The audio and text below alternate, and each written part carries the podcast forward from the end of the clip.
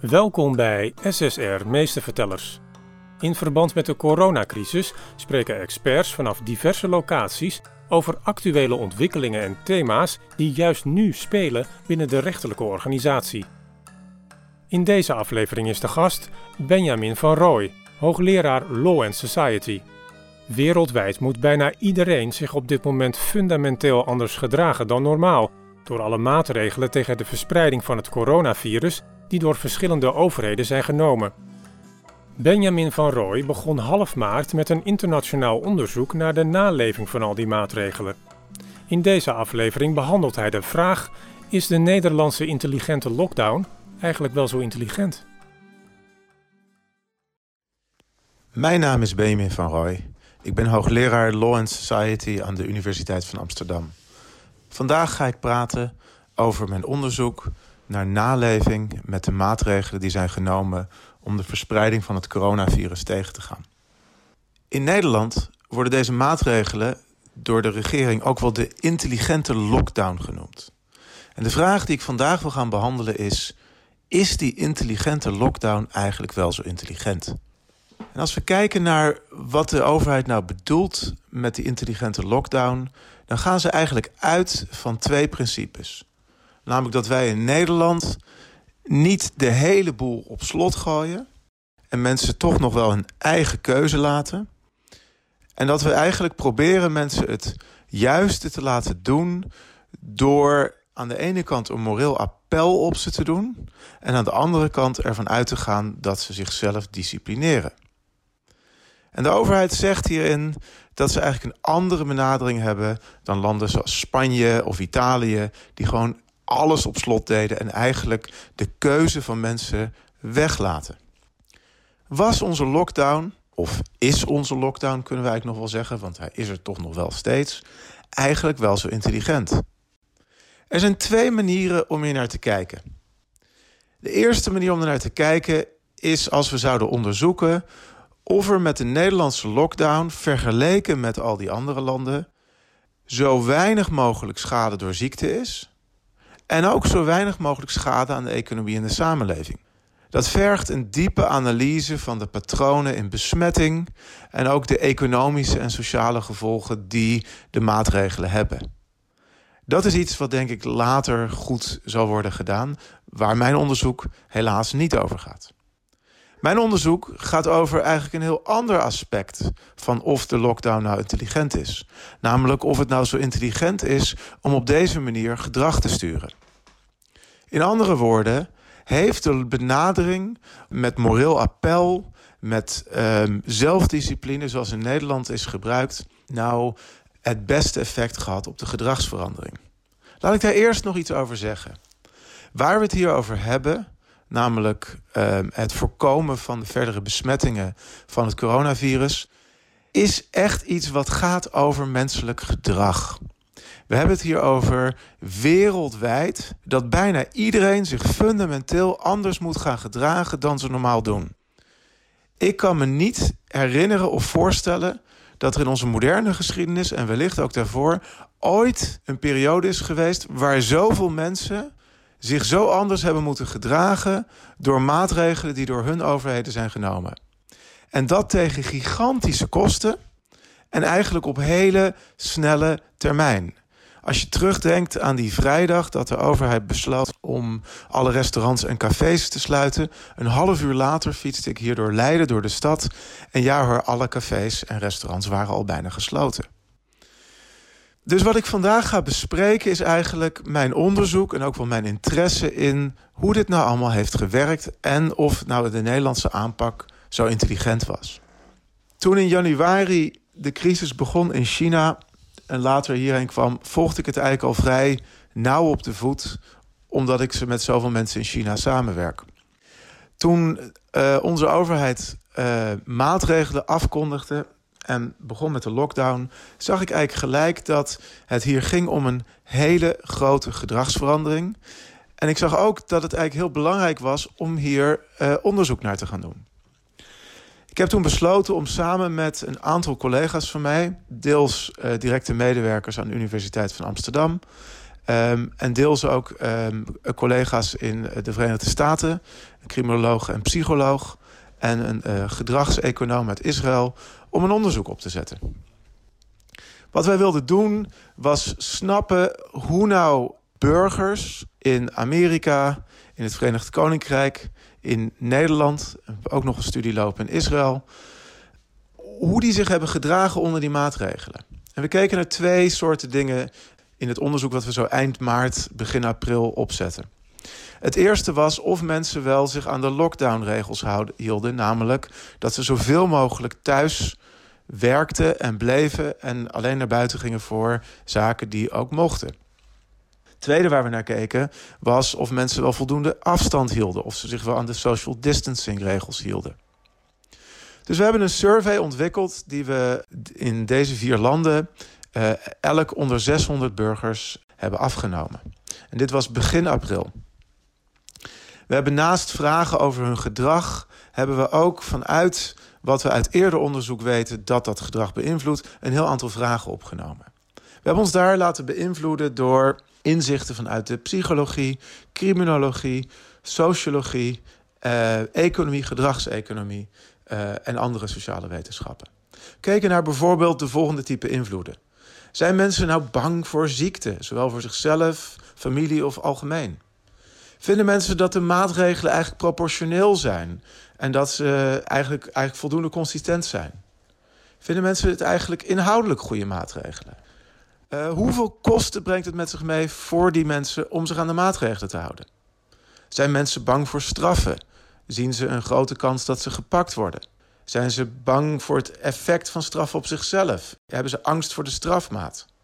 We keken ook naar in hoeverre de mensen die we onderzochten nou dachten dat ze zich aan de regels konden houden. Kunnen mensen eigenlijk wel thuiswerken? Is het mogelijk in het dagelijks leven om afstand te houden?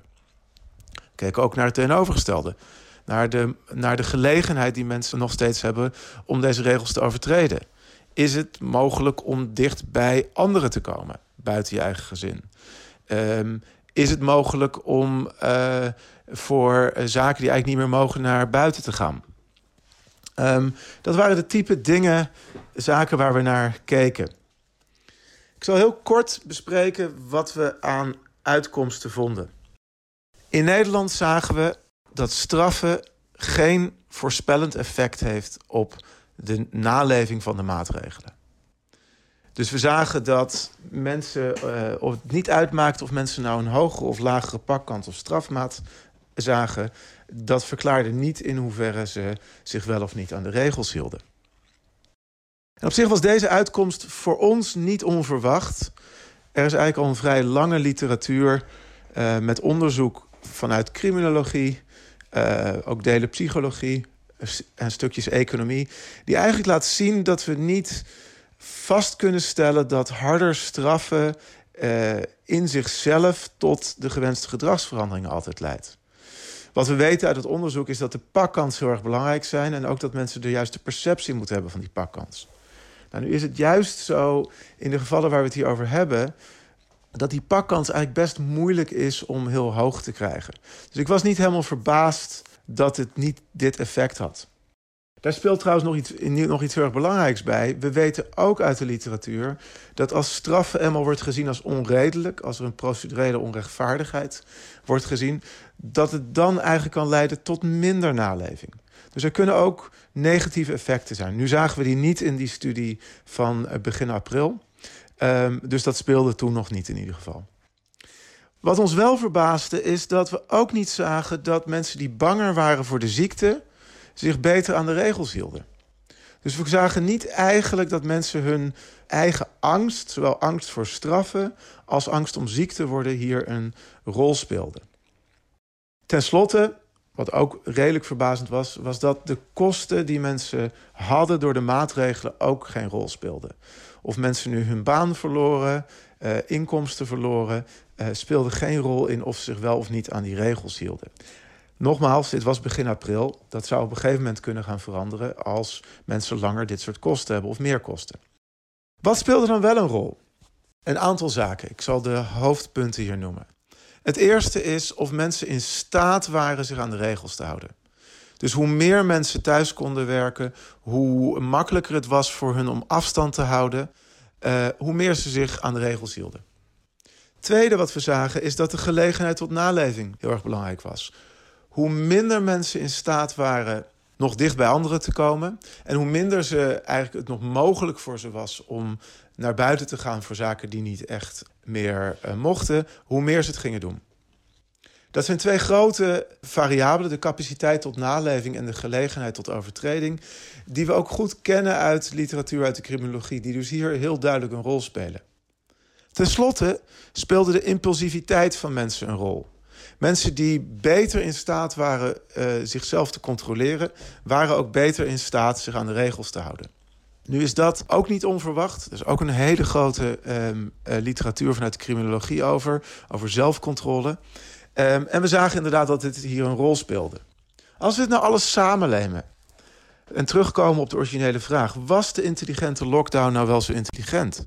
Zou mijn antwoord zijn ja, eigenlijk wel. Als we kijken naar uh, het idee erachter, niet repressief, maar proberen uh, de gedragssturing te krijgen doordat mensen zelf met de eigen verantwoordelijkheid komen tot een gedragsverandering, zien we daar wel een aantal aspecten van terugkomen uit ons onderzoek. Aan de ene kant zien we dat dus het repressieve, in ieder geval wat wij hebben gezien in onze data, niet zou hebben gewerkt. Overigens ben ik helemaal vergeten te zeggen dat de naleving in ons onderzoek, we zagen een, een hele hoge mate van naleving. En dat is ook dus uh, heel erg in lijn met wat andere onderzoeken in Nederland al hebben laten zien. Dus we hebben een hoge naleving, terwijl daar niet echt een rol in speelt het straffen. Dus dat is eigenlijk ook volgens het beleid van het kabinet. Wat we vervolgens zien is dat het onderdeel om gelegenheid voor overtredingen kleiner te maken in het beleid, namelijk het sluiten van de scholen, het verminderen van het openbaar vervoer. Op die manier door eigenlijk toch allerlei mogelijkheden die mensen hebben om met elkaar samen te komen, het sluiten van restaurants en barren, eigenlijk al zoveel verleiding wegneemt om gewoon je te gedragen zoals je normaal doet, wat dus het risico heeft om het virus te verspreiden, dat dat eigenlijk heeft gemaakt dat mensen minder ook in die verleiding zijn gekomen. Dus dat is ook een onderdeel van die intelligente lockdown geweest. Is om toch een deel van die uh, gelegenheid tot risicovol gedrag weg te nemen. En dan binnen die gelegenheden die er nog wel zijn, namelijk het rondje omlopen, naar de supermarkt gaan, de keuze aan mensen zelf te laten.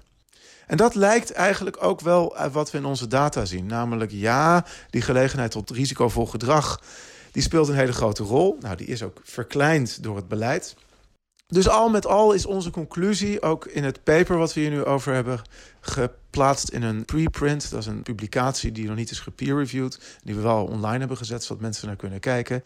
Uh, die noemen we ook de intelligent lockdown. Dus onze conclusie is ook, als we deze maatregelen bezien vanuit hoe mensen nou echt hebben gereageerd, is dat ze voor een heel deel hebben gewerkt zoals ze ook waren gepland. Wat gaan we dan nu doen? Het is sterk te verwachten dat we in ieder geval nog langere tijd. En ik hoop van harte dat er een vaccin komt of een goed geneesmiddel, zodat het allemaal niet hoeft. Maar het is te verwachten dat we nog langere tijd uh, in een anderhalve meter samenleving leven. Dat betekent dat we nog een langere tijd gedragsverandering moeten hebben. Dat mensen zich niet zo zullen gedragen zoals voor de coronacrisis. Het lastige is alleen dat nu we de maatregelen versoepelen, wat we ook wel moeten doen uh, vanwege de hoge economische en sociale kosten, er veel meer gelegenheid komt voor mensen om dichter en met elkaar om te gaan.